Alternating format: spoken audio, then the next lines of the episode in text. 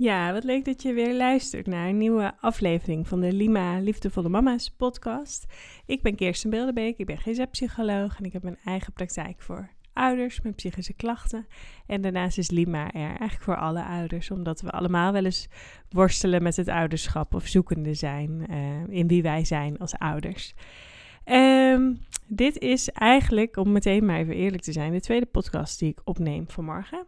Ik was al begonnen met één en ik was daarover aan het vertellen en over aan het praten, maar ik merkte van ja, ja, ik voelde hem gewoon niet zo. Ik dacht, dit is wel een super interessant onderwerp hoor, waar het over ging. Het ging namelijk over matrescence. Ik weet niet of je die term kent, maar dat gaat over transitie naar het ouderschap. En ik was er zo wat over aan het vertellen. Maar um, het is een belangrijk thema. Het is ook een heel waardevol thema. Maar ik voelde ook van ja, het is niet echt mijn thema of zo. Ja, um, hoe zeg je dat? Ja, ja, ik weet niet. Het is gewoon niet mijn thema. Het is wel een heel boeiend thema hoor. En ik vind het ook heel belangrijk dat er aandacht voor is. Maar ja, ik voelde toch niet helemaal aan mezelf om daar nu een hele podcast over op te nemen. Wat ik wel even wil zeggen daarover is uh, dat er twee intervisiegenootjes van mij zijn, Carianne en Roos, die samen um, hier een Instagram account over hebben gemaakt. Matrescence.psychologie heet het. Ik zal hem ook even linken in de show notes. En ik zou zeggen, als je dat nou een uh, thema is wat voor jou heel erg speelt, of waar jij graag wat mee uh, wilt, meer over wilt weten of mee wilt doen, Ga dan vooral uh, hen volgen, zou ik zeggen. En nou, misschien is dat gewoon voor mij genoeg om dat te zeggen. En uh, dat is misschien nog wel leuk, want wat ik in die vorige aflevering dus zei, die ik dus niet ga delen online, want hij is ook niet af. Ik ben gewoon halverwege gestopt en dacht, nee, ik, uh, ik, wil, ik wil dit gewoon even niet meer. is dat voor mij de transitie naar het ouderschap ook dit dus wel heel erg even gebracht eigenlijk. Hè? Dat ik uh, veel beter kan voelen van, ja, dit vind ik leuk, hier word ik blij van, hier krijg ik energie van. Of dit doe ik omdat het hoort, of omdat het er nou eenmaal bij hoort, of omdat anderen dat misschien belangrijk vinden ik kan dat veel beter voelen bij mezelf en daar ook veel beter naar luisteren en mijn grenzen daarin ook veel beter bewaken. Dus nou ja, daar al pratende over dacht ik van nee, nou ik stop gewoon met opnemen. Dus ik ben hem gewoon halverwege gestopt en um, nou, ik delete hem gewoon, huppatee, klaar. Waar ga ik het dan wel over hebben? Ik zat namelijk al op voorhand een beetje te worstelen over twee thema's en ik had bedacht om een soort van post te gaan schrijven over matrescence. Toen dacht ik, oh nou kan ik daar ook wel een podcast over opnemen, dat is dan wel een soort van logisch. Um, maar eigenlijk had ik veel meer in mijn hoofd het thema bevallen. En toen, uh, dus nou ja, daar ga ik gewoon nu alsnog een, podcast over opnemen. Um, dus bevallen, daar gaan we het over hebben. Ik vind dat namelijk wel ook een heel magisch thema. Ik heb zelfs ooit, nou wanneer was dat, in coronatijd of zo, toen was ik een beetje zoekende in mijn werk. Van hé, wat zal ik gaan doen? Ik uh, werkte al best wel een hele tijd binnen een grote GGZ-instelling. En ik had een beetje behoefte aan wat nieuwe uh, ja, iets nieuws in mijn leven op het werkvlak. En toen heb ik zelf wel eens naar de opleiding tot verloskundige gekeken. Lijkt me nog steeds een heel tof uh, beroep hoor. Even een slokje thee tussendoor. Um, en doula zelfs ook nog. Um, maar goed, uiteindelijk ben ik erop uitgekomen om gewoon lekker mijn eigen praktijk te gaan starten. En dat is helemaal goed. Dus ik heb nu die ambitie op dit moment in ieder geval niet. Wie weet wat de toekomst ooit nog eens brengt. Maar voor nu uh, zit ik helemaal goed met wat ik nu doe. En, uh, maar het bevallen is wel, ik vind het wel echt enorm magisch en uh, bijzondere levenservaring. En um, ook daar zijn natuurlijk talloze Instagram-accounts en cursussen voor. Hè, die jou echt top kunnen voorbereiden op het bevallen. En dat is ook niet waar ik het over wil hebben. Maar ik wil het eigenlijk hebben over meer patronen die uh, je eigen patronen, je eigen kwetsbaarheden, die zichtbaar kunnen worden in en tijdens de bevalling. En ik wil je daarin ook een beetje meenemen in mijn eigen bevallingen. Ik heb drie jonge kinderen, zoals je weet, dus ik ben drie keer bevallen. En drie, echt drie verschillende bevallingen.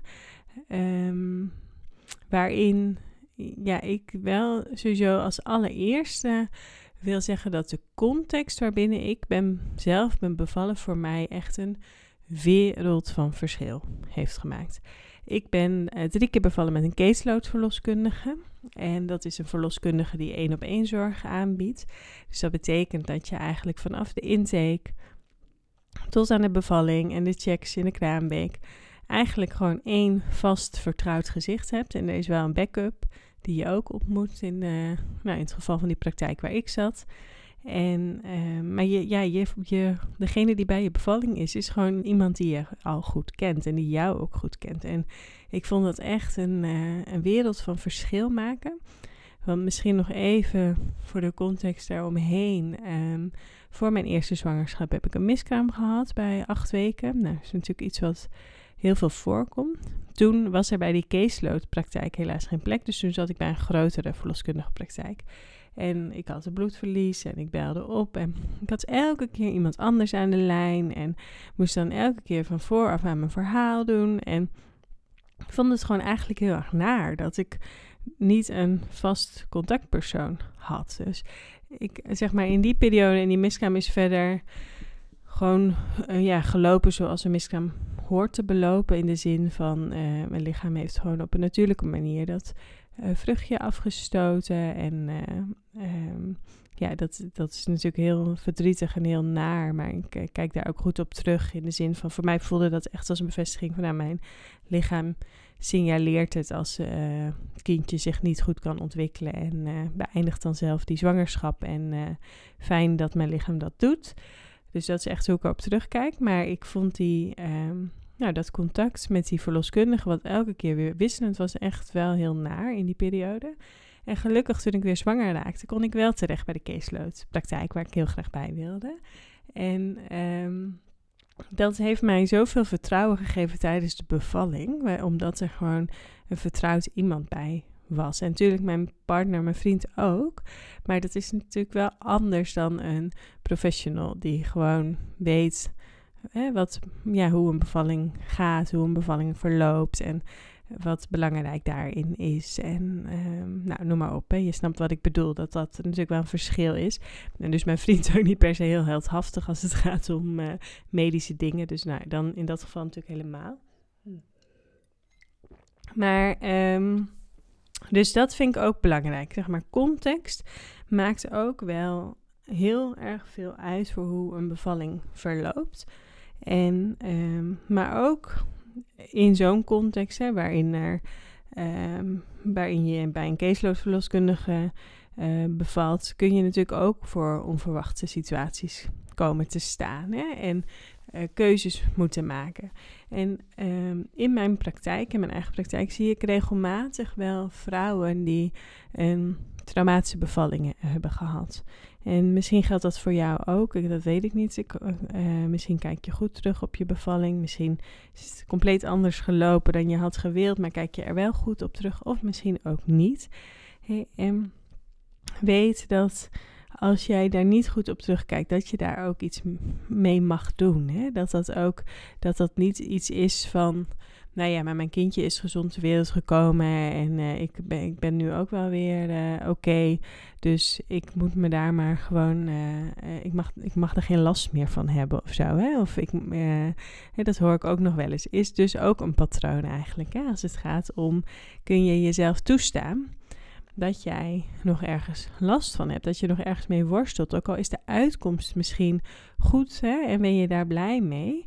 Um, maar het proces is ook belangrijk. En als je daar uh, nog last van hebt, dan mag je daar dus ook aandacht aan geven en ruimte voor maken. En um, dat, kan, dat is dus al, dat bedoel ik dus eigenlijk als ik het heb over patronen. Dan dit is als iets um, wat een patroon is. Hè? Mag je ruimte maken voor je kwetsbaarheden of niet? Moet je, moet je allemaal maar doorzetten en hup, schouders eronder en het is achter de rug, het is nu klaar, mijn kind is gezond, ik ben gezond, uh, we hebben het er niet meer over. Uh, ja, dat is denk ik wel wat veel van de ouders, hè, nou ik, ook ikzelf, de ouders van mijn generatie, um, als kind zelf hebben meegekregen. Van nou, kom op doorzetten en uh, ga maar door, je kunt het wel, het komt wel goed. Uh, niet uh, te veel huilen, niet te bang zijn, niet bla bla bla, zeg maar. Je snapt wat ik bedoel.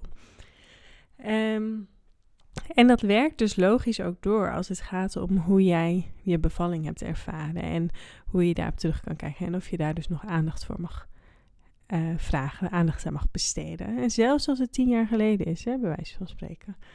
Ehm, dus dat is al een patroon. Nou, als we het verder hebben over hè, als de vrouwen die ik dus in mijn eigen praktijk zie, die uh, nog veel last hebben van de bevallingen, in de zin van echt uh, herbelevingen of nachtmerries, uh, op wie de bevalling um, heel veel impact heeft gehad, um, gaat het heel vaak over het thema regie.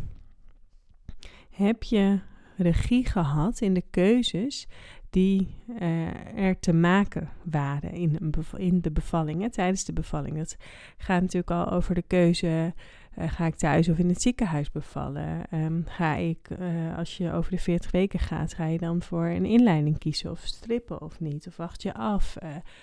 maar ook tijdens de bevalling zelf ga je um, voor pijnbestrijding of ga je, op wat voor manier doe je dat dan? Zijn natuurlijk ook talloze opties. Ga je voor een knip? Ga je voor weet ik het wat allemaal? Er zijn zoveel opties in, heel veel keuzes te maken. En voor veel vrouwen die ik, um, die ik spreek daarover, gaat er heel vaak dingen mis in dat ze het gevoel hebben dat het allemaal hen overkomen is. En dat ze er geen regie in hadden in de keuzes die werden gemaakt tijdens de bevalling.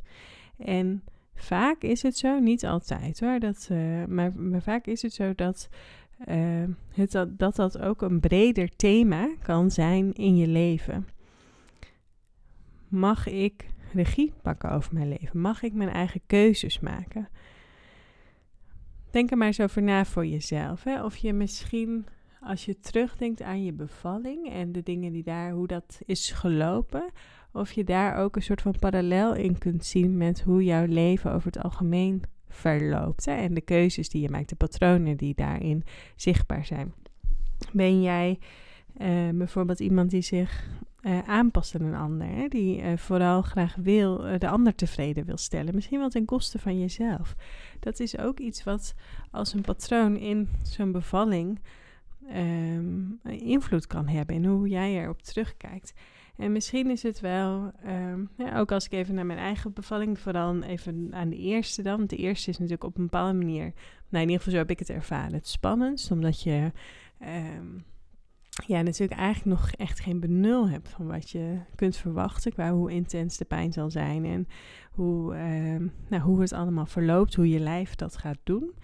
En um, ik had op voorhand niet zo duidelijk, wil ik naar thuis of in het ziekenhuis bevallen. Ik wist het gewoon niet zo goed. En mijn vriend die was heel erg van, nou, huppen doen in het ziekenhuis, want uh, dan is alle medische hulp dichtbij als er wat gebeurt. En nou, ik denk dat dat voor heel veel redenen, of voor heel veel mensen redenen kunnen zijn om in het ziekenhuis te willen bevallen.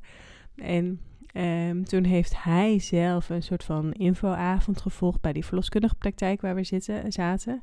Uh, verloscase is dat trouwens in Groningen, dus echt absoluut een aanrader mocht je hier in de regio wonen. En um, zij, um, zij dus ook avonden voor partners en daar was mijn vriend heen geweest.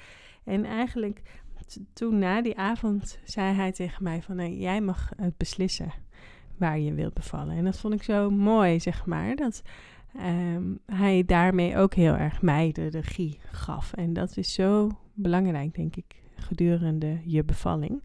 En wij hadden toen besloten op voorhand van, nou, we zien het wel. We gaan gewoon als de bevalling begint, gewoon voelen, wil ik thuis blijven of wil ik naar het ziekenhuis? En toen de bevalling eenmaal begonnen was, was het voor mij super duidelijk dat ik thuis wilde blijven. Echt geen seconde meer aan het ziekenhuis gedacht. Dus dat was ook fijn om te voelen. En um, ja, dus ik ben uiteindelijk thuis bevallen toen de eerste keer en ook de andere twee keren. Dus dat uh, ja, vond ik heel erg fijn. Was voor mij heel fijn. Maar ja, dat, daarin um, ja, mag iedereen zijn eigen keuzes maken. En ik snap het ook heel goed als je voor het ziekenhuis kiest en als dat voor jou fijner voelt. En dat is natuurlijk helemaal goed, want het gaat er ook niet over dat jij iets kiest wat anderen doen, maar dat je dus zelf de regie daarin mag pakken. En eigenlijk, als we het even over de schema therapie-termen hebben, waar ik natuurlijk vaker naar refereer, dat jouw gezonde volwassene daar zelf de keuze in mag maken. En ik denk dat tijdens een bevalling dat is natuurlijk echt een hele kwetsbare ervaring, een kwetsbare gebeurtenis. Sowieso natuurlijk omdat het um, hè, fysiek heel kwetsbaar is. In de zin van, ja, je bent half naakt of helemaal naakt, zeg maar. Dus, dus dat is gewoon heel kwetsbaar. Maar het is ook een hele, ja, tenminste als ik voor mezelf praat, denk ik, wow, ik, ben gewoon echt een ander mens geweest tijdens de bevalling. Met name ook de eerste, dat, je, dat ik zo in een soort van trance raakte en uh, allerlei soort van oerkreten. Dat je echt denkt, nou, dat, dat, je hebt echt wel een soort van um, iets los te laten of zo. Om je helemaal over te kunnen geven aan dat proces. Hè? En dat is eigenlijk ook een patroon. kun je je helemaal daaraan overgeven? Heb je voldoende vertrouwen in jezelf, maar ook in de mensen om jou heen, om het allemaal los te laten. Want ik denk, daar gaat bevallen volgens mij ook heel erg over. Van kun je het loslaten? Je laat ook eigenlijk echt letterlijk je kindje los. Je laat letterlijk je placenta los. Um, kun je dat, zeg maar, kun je in die echt, in die volledige overgave van dat proces van bevallen. En ik denk dat dat van je, eh, van je omgeving vraagt, maar ook dat dat heel erg gaat over vertrouwen. Want als je daarin je niet veilig voelt, als je je niet dat vertrouwen voelt, hoe kun je dan in die overgave komen? Dat lukt gewoon niet, zeg maar. Dus, en ook daarin denk ik, als je dat iets is wat jij hebt ervaren tijdens de bevalling, trek hem dan eens wat breder, zeg maar. Kun je, hoe is dat in andere situaties in je leven? Kun je je dan overgeven aan het proces? Of kun je daar vertrouwen op een goede uitkomst, zeg maar? Of ben je heel erg bezig met vasthouden, controle willen houden, perfectionisme? Ehm, ook dat zijn patronen, denk ik, die zowel bij je bevalling als in je dagelijks leven, die je dus ook weer breder kan, zou kunnen trekken. En kunt onderzoeken van, hé, hey, hoe zit dat eigenlijk bij mij? Ja, ik denk, ik vind dat dus zelf heel interessant. En ook als ik ehm, dus hier vrouwen in mijn praktijk zie die een, een traumatische bevalling hebben, probeer ik er ook altijd met een misschien met therapiebril naar te kijken. Van hé, wat voor patronen zitten hierin? En is dat eigenlijk ook iets wat je herkent, ook los van je bevalling? Ook als het gaat om nee zeggen bijvoorbeeld. Hè? Mag je nee zeggen? Kun je nee zeggen? Ehm, voel jij zelf dat jij het recht hebt om nee te mogen zeggen? nou, ik denk dat ik echt ehm, nou ja, al best wel veel patronen genoemd heb, besproken heb, die in een bevalling een rol kunnen spelen. En dus ook daarbuiten. En ik denk ook dat um, je kunt ze dus breder trekken, los van je bevalling, zeg maar, naar de rest van je leven, maar zeker natuurlijk ook naar het ouderschap. Hè? Als het gaat om controlebehoeften, als het gaat om perfectionisme, als het gaat om um, vooral je, je eigen behoeften opzij schuiven en, en aanpassen aan de ander. Als het gaat om uh, moeite hebben om nee te zeggen of moeite hebben om regie te pakken, eigen keuzes te maken, daarachter durven staan ja, ik, ja, dit is echt voor mij een heel groot onderwerp of zo. Er is zo ongelooflijk veel over te zeggen. En, um, maar eigenlijk wil ik je vooral één vraag stellen. En dat is dus jouw, de vraag aan jou. Kun je, als je kijkt naar je bevalling, daarin patronen bij jezelf ontrafelen, misschien? Die ook breder in jouw leven wellicht een rol spelen. En ik wil ook heel graag tegen je zeggen, mocht jouw bevalling dus traumatisch voor je zijn geweest. Of mocht dat iets zijn waar je nog veel last van hebt, schroom niet om daar eens over in gesprek te gaan met je huisarts. Om te kijken of er in de buurt misschien een therapeut is die jou daarbij kan helpen. Wat sowieso ook heel fijn kan zijn voor jezelf, is om het te gaan opschrijven. Mocht je dat nog niet gedaan hebben, om je bevallingsverhaal op te gaan schrijven. Dat kan ook al heel erg helpen voor je verwerking. Maar ook als je gewoon denkt, oh ja, ik vind het echt wel interessant om eens te onderzoeken, kan ik er wat patronen uithalen. Omdat, uh, nou ja, dan um, nee, zo op die manier uh, voor jezelf op papier te zetten. Ik bedenk me nu trouwens nog wat ik wat ook nog een patroon is die ik vaak hoor van vrouwen die uh, nog last hebben van hun bevalling, is het patroon heel kritisch en streng zijn op jezelf. Dus heel geoordelend zijn over hoe het is gegaan, over hoe jij het hebt gedaan, of wat je misschien beter had moeten doen, of um, hoge eisen daarin stellen. Dus ook dat um, kan een patroon zijn. En nu praat ik natuurlijk vooral eigenlijk ook een beetje vanuit mijn eigen perspectief. Van in de zin, ik ben niet zwanger, ik, ik ben drie keer bevallen, ik heb geen wens meer voor een vierde. Dus eh, de kans dat ik nog een keer ga bevallen is niet zo groot. Maar misschien luister jij dit wel terwijl jij zwanger bent. Of dat je misschien aan het voorbereiden bent op een bevalling. En ook dan kun je dus van tevoren al wel voor jezelf nadenken. Wat zijn mijn valkuilen eigenlijk? Hè? Misschien heb je wel dingen gehoord in deze podcast waarvan je denkt, ja, dat is wel een valkuil van mij. Dat, sowieso dat je daar op voorhand van bewust bent, is dan al zo krachtig en belangrijk. En uh, misschien kun je van tevoren dat dan ook al bespreken met je partner of met de verloskundige of de gynaecoloog als die betrokken is. En dat je op voorhand kunt voorbereiden van hoe ga ik hiermee om. En wat ik nog een belangrijk tip vind, mocht je gaan bevallen, is de BRAINS methode. B-R-A-I-N-S.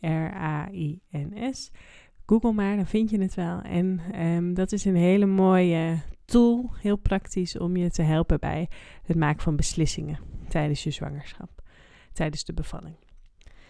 Goed, dan uh, gaan we hem zo afronden. Ik uh, ben benieuwd wat je van deze aflevering vond. Ik vind het zelf wel een super interessant thema. Ik ben heel benieuwd uh, wat het in jou heeft losgemaakt. En dat zou ik heel tof vinden als je me dat wil laten weten. En mocht je nou zoiets hebben van, ja, oké, ik ontrafel nu patronen bij mezelf. En dan? In mei, dus dat duurt nog wel eventjes, gaat de volgende ronde van start van mijn cursus. Dus je, um, nou ja, weet dat in ieder geval alvast, hou dat in de gaten. En mocht je nu alvast een eerste stap willen zetten, vooral met dat kritische stuk, dan is volgende week woensdag 6 maart de online masterclass Stem je kritische stem, waar je aan mee kunt doen. En um, ja, ik zal ook even linken in de show notes, mocht je daarbij willen zijn. Goed, ik ga hem voor nu afronden. Heel erg bedankt voor het luisteren. Super leuk dat je hem helemaal af hebt geluisterd tot hier. En ik zou het dus heel tof vinden als je mij wil laten weten hoe deze aflevering voor je was. En je helpt me enorm door een review achter te laten. Zo kan ik nog meer moeders bereiken. Dankjewel, tot de volgende.